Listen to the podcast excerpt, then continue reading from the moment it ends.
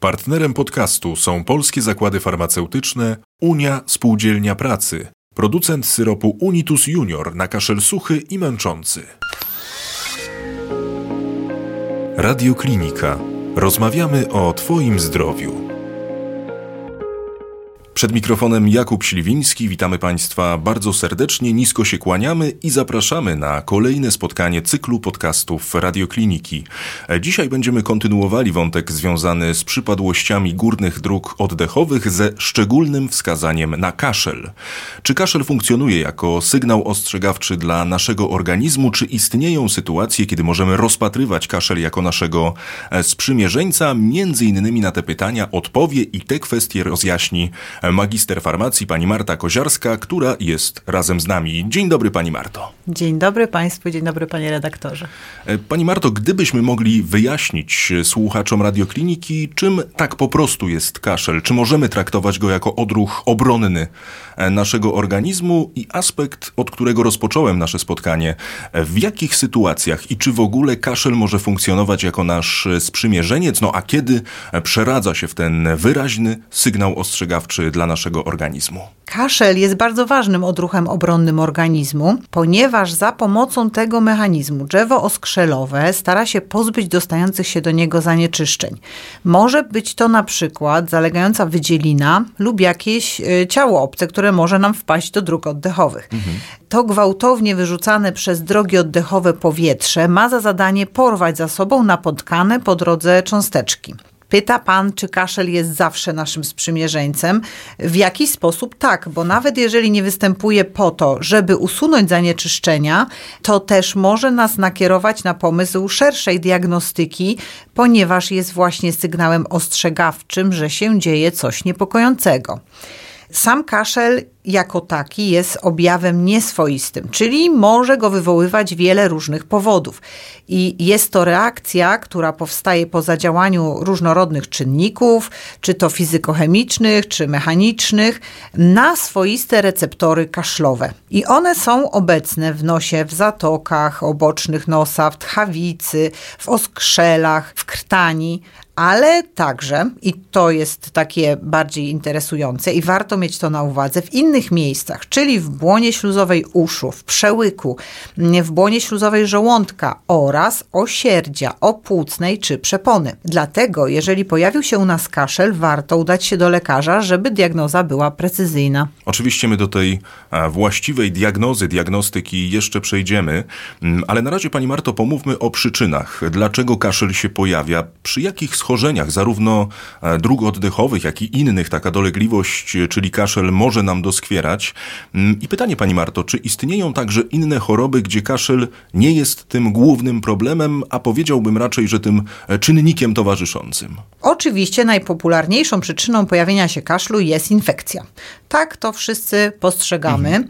i tak ja powiedziałabym przynajmniej kiedyś i przeciętny pacjent też, taka byłaby jego reakcja. Y, wyjaśnię skąd moje zastrzeżenia co do określenia częstości. Ponieważ zmieniły się nam czasy i przybywa chorych na inne choroby, takie jak na przykład astma, chorych na nadciśnienie tętnicze, tutaj wspomnę potem o y, kaszlu polekowym, mhm. Choroby serca, nowotwory czy refluks. I to są schorzenia, którym również może towarzyszyć kaszel. Zadał pan pytanie, kiedy kaszel powinien nas niepokoić. I e, tutaj jest trudno do końca być precyzyjnym, bo właściwie nawet jeżeli mamy do czynienia z banalną infekcją, warto, żeby lekarz nas obsłuchał. Ale na pewno trzeba się udać do specjalisty, gdy kaszel się przedłuża i gdy jest nieproduktywny, suchy i uciążliwy. E, bywa bowiem tak, że infekcja praktycznie się skończyła, a kaszel nadal trwa. Mamy napady przy zmianie temperatury, na przykład wchodzimy z zimnego otoczenia na zewnątrz, zewnątrz jest takie zimne powietrze do ogrzewanego pomieszczenia. Czasem jest tak, że kaszel nie daje nam spać w nocy, gdy przyjmujemy pozycję leżącą i się rozgrzejemy. Nie ma już wtedy takich czynników e, drażniących, jak na przykład wirusy czy bakterie, a jednak oskrzela wykazują nadwrażliwość na bodźce. Warto wtedy zadziałać objawowo i hamować ten odruch. Jednym z takich schorzeń przewlekłych, w których diagnoza pozwala na wdrożenie leczenia i ulgę dla chorego jest astma. Uporczywy kaszel może być też wynikiem y, choroby refluksowej przełyku. Kwas solny z pepsyną mogą bowiem docierać y, do górnych dróg oddechowych i drażnić receptory kaszlu jeżeli lekarz przeprowadzi prawidłową diagnostykę i podejmie celowane interwencje, to będzie to bardzo ważne dla wyleczenia i tutaj kaszel jest tylko taką, takim obocznym objawem, objawem, ale może nas naprowadzić na właściwe tory. Bywają też poważniejsze choroby, przy których kaszel się może pojawić. W związku z tym porada lekarska przyda się praktycznie zawsze. Pani Marto, wspominała Pani o tych zmianach temperatury, które także mogą e, przyczynić przyczynić się do tego, że e, kaszel może powstawać, że może nam e, doskwierać i właśnie przy tym aspekcie chciałbym się zatrzymać. Czy tutaj również możemy mieć do czynienia niejako z uwarunkowaniami e, środowiskowymi, które mogą sprawić, że ten kaszel się pojawi? Być może to także jest zależne od tego, o czym pani również po części wspominała, czyli od przyjmowanych przez nas leków. Jak to wszystko wygląda? Oczywiście, że warunki, w których przebywamy, wpływają na nasz układ oddechowy. Na przykład reagujemy na pyłki roślin, które unoszą się w powietrzu, kurz, pył czy smog. Niektórzy z nas dużo bardziej niż inni. Dla wielu z nas problemem będzie klimatyzacja obecna w pomieszczeniach, mhm. bo powietrze staje się suche, a to oddziałuje źle na nasze śluzówki. Tak samo będą wpływać przegrzane i niewietrzone pomieszczenia, y, które, z którymi mamy do czynienia zimą. Przebywanie w oparach dymu tytoniowego, y, no to samo przez się mówi, jaki to jest problem, y, ale nawet zbyt mocne zapachy muszą, mogą wywołać kaszel. Zbyt duży wysiłek fizyczny może wywołać hiperwentylację, której objawem jest kaszel. Kaszlemy też czasem y, po bardzo gwałtownym, mocnym śmiechu płaczu czy w wyniku innych emocji. W diagnostyce kaszlu warto też zwrócić uwagę na możliwość występowania kaszlu psychogennego. Taki kaszel często y, występuje u osób młodych i dzieci. On się charakteryzuje występowaniem napadów głośnego, szczekającego kaszlu w obecności innych osób, czy epizodami kaszlu w sytuacjach stresowych, a w nocy kaszlu przeważnie jest brak. Oczywiście takie podejrzenie nie zwalnia lekarza z poszukiwania innych przyczyn, żeby nie przeoczyć ewentualnego podłoża chorobowego u takiej osoby. Warto też wspomnieć, y, że kaszel jest objawem ubocznym przy leczeniu niektórymi lekami. I takim powszechnym przykładem jest stosowanie leków popularnych mhm. na nadciśnienie z grupy inhibitorów konwertazy angiotenzyny. To jest dosyć spora grupa pacjentów, gdyż e, przyjmuje się, że jest to około 15% pacjentów, którzy przyjmują te leki. Taki kaszel ma charakter suchy i uciążliwy i nasila się w nocy. Oczywiście problemem jest to, że nie wszyscy pacjenci mają tego świadomość, e, że ten lek może u nich wywoływać problem, a e, tutaj mamy do czynienia z bardzo prostą jakby terapią czy interwencją. Wystarczy we współpracy z lekarzem zmiana leku i to odstawienie tego konkretnego leku powoduje ustąpienie objawów. Pani Marto, no to jedynym tym rodzajem kaszlu, jakiego bym życzył słuchaczkom i słuchaczom radiokliniki, no to jest może ten, który jest wywołany gwałtownymi atakami śmiechu, ale to mhm. oczywiście też i w takich zdrowych, zdrowych proporcjach i nie ze zbyt dużą e, częstotliwością. Pani Marto, kaszel podobnie jak szereg innych dolegliwości związanych z naszym organizmem ma różne rodzaje. No i pytanie, jak je rozróżnić, jakie są ich charakterystyczne cechy i także to będzie powrót do tego, o czym wspominała Pani kilka minut temu, jak ważne jest to właściwe rozpoznanie dolegającego nam kaszlu. Podziały można przeprowadzić różnorodnie i tak kaszel możemy podzielić ze względu na czas trwania. Ostry kaszel z różnych przyczyn, bo mogą to być infekcje, zanieczyszczenia, chemikalia czy alergia, powinien trwać mniej niż 3 tygodnie. 3 tygodnie jest taką jakby granicą, mhm. po której określamy już ten stan jako kaszel podostry. Bywa właśnie, mm, że po y, przebytych infekcjach wirusowych ten kaszel tak się przedłuża. Jeżeli kaszel trwa dłużej niż 8 tygodni, to staje się już kaszlem przewlekłym. Oczywiście diagnostyka i wdrożenie właściwego leczenia jest ważne w każdym przypadku. Kaszel możemy też podzielić ze względu na jego charakter, ponieważ e, dzieli się na suchy, który pojawia się na przykład przy infekcjach wirusowych, astmie, ale także jest kaszlem właśnie polekowym, o czym wcześniej wspominałam. Bywa także objawem chorób płuc czy niewydolności serca.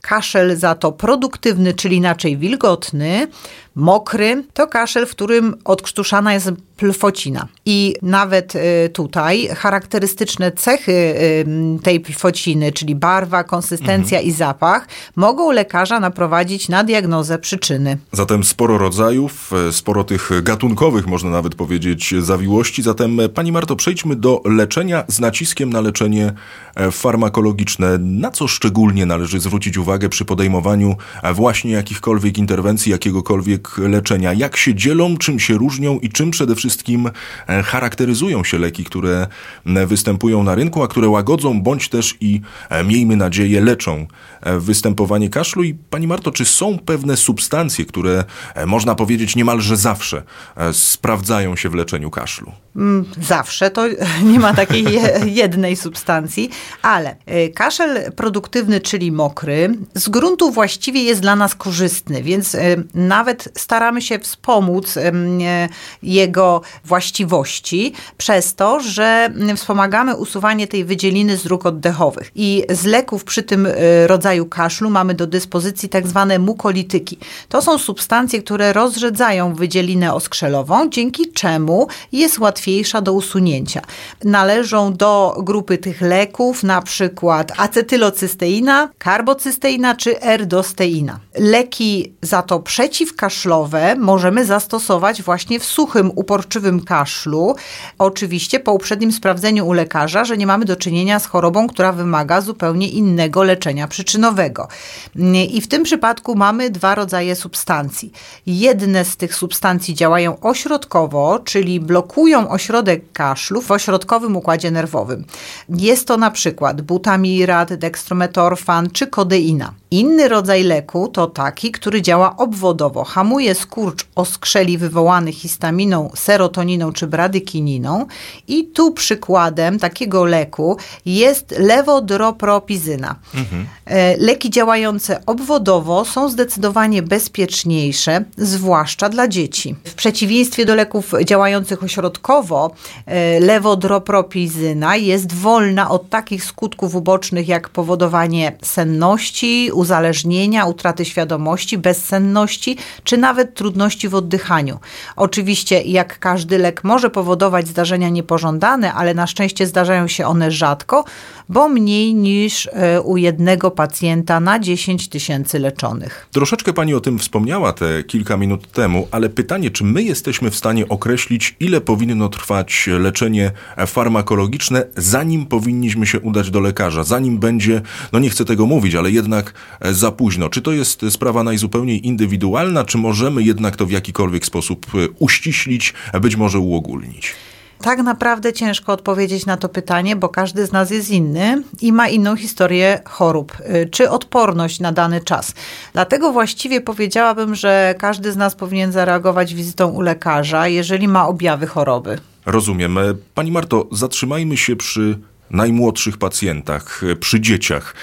Jak powinniśmy reagować na przedłużający się napadowy, suchy kaszel u dzieci? No i pytanie, czy taka dolegliwość jest, bądź też może być związana li wyłącznie e, z infekcjami, no czy może jednak sygnalizować inne przypadłości? Tutaj od razu e, przychodzą mi do głowy niemalże automatycznie różnego rodzaju alergie. Yy, oczywiście, że może być różnie i obserwujemy przecież nawet małe dzieci z astmą, alergiami, refluksem, żeby wymienić mhm. te najczęstsze choroby więc nie zawsze musi to być infekcja. I myślę, że najlepszą praktyką y, jest opieka pediatry nad dzieckiem zawsze, gdy coś nas niepokoi. Lepiej sprawdzić dokładnie, z czym mamy do czynienia. Pani Marto, za nami już dyskusja o leczeniu e, farmakologicznym. No to teraz przejdźmy do tych metod y, niestandardowych, metod e, niefarmakologicznych. Jak wygląda ta mapa specyfików i sposobów przede wszystkim e, niefarmakologicznych, domowych na to, aby kaszel złagodzić lub też go całkowicie e, zlikwidować. No i czy istnieją, czy występują te pewne magiczne składniki w postaci chociażby czy to roślin, czy to warzyw, owoców, bądź też i przypraw, e, z których koniecznie w takich przypadkach należy korzystać? Zawsze możemy wprowadzić do leczenia działania wspomagające i w przypadku łagodzeniu kaszlu też się takie znajdą. Mogą to na przykład być inhalacje solą fizjologiczną, e, maści z olejkami eterycznymi, zioła śluzowe czy miód. E, miód był nawet w badaniu porównywany z placebo, brakiem interwencji oraz difenhydraminą, czyli lekiem przeciwhistaminowym i wykazał mocniejszy efekt w zmniejszeniu nocnego kaszlu w przebiegu ostrej infekcji infekcji i lepszą jakość snu. Efekt przeciwkaszlowy miodu był porównywalny z zastosowaniem dekstrometorfanu, czyli takiego leku e, działającego ośrodkowo, czyli takiego mocnego leku przeciwkaszlowego.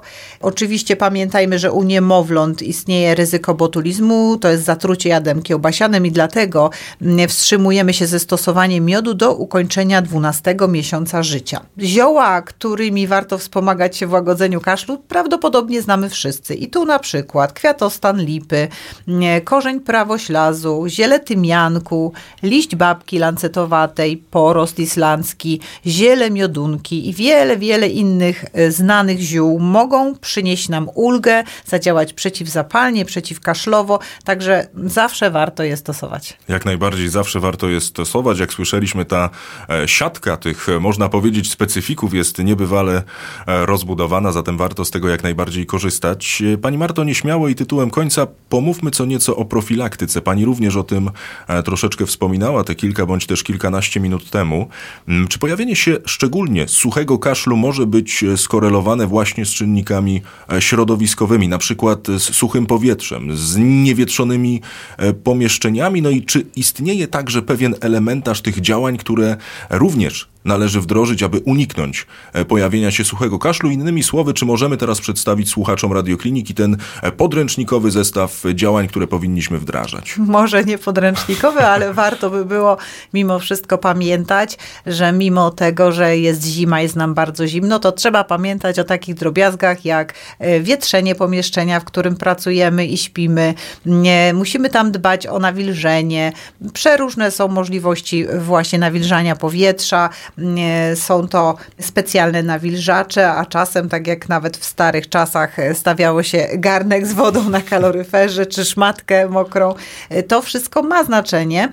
E, oprócz tego powinniśmy też pamiętać o tym, żeby samemu się nawadniać, czyli pijmy prawidłową dla naszej masy ciała ilość płynów. Dokładnie tak i takie działania jak najbardziej polecamy, aczkolwiek na koniec i troszeczkę ku przestrodze.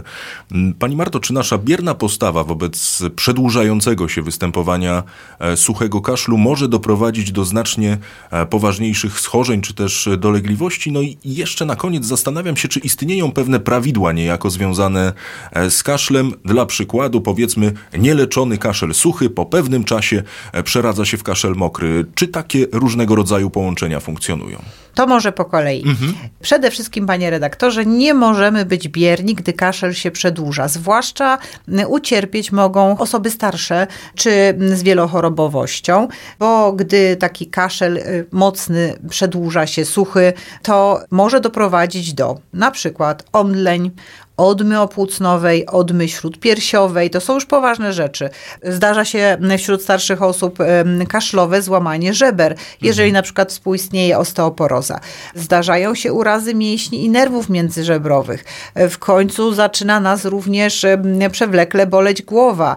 Co jeszcze, z czym się może wiązać suchy kaszel? Z nietrzymaniem moczu, y, powstaniem w końcu odruchu wymiotnego. No to już są bardzo nieprzyjemne następstwa przedłużającego się kaszlu.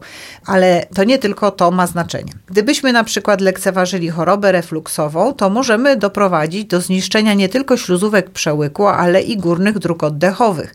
Mm, nie lubię pacjentów straszyć, w ogóle nie lubię tak wspominać o jakichś poważniejszych sprawach, ale kaszel przewlekły, a przede wszystkim zmiana jego charakteru, na przykład niemożność odkrztuszenia wydzieliny lub uczucie jej zalegania, jest jednym z objawów nowotworu płuc. Po prostu myślę, że dla własnego bezpieczeństwa zareagujmy, gdy dzieje się z nami coś niecodziennego, niepokojącego. I dokładnie tak, i myślę, że ta e, maksyma, ta konkluzja naszego dzisiejszego spotkania jest jak najbardziej e, wskazana razem z nami. Na antenie radiokliniki e, była magister farmacji pani Marta Koziarska. Pani Marto, jak zwykle, wielka przyjemność. Bardzo serdecznie dziękuję. Dziękuję Państwu. Więcej audycji na stronie radioklinika.pl i w naszej aplikacji mobilnej. Partnerem podcastu były polskie zakłady farmaceutyczne Unia Spółdzielnia Pracy, producent syropu Unitus Junior na kaszel suchy i męczący.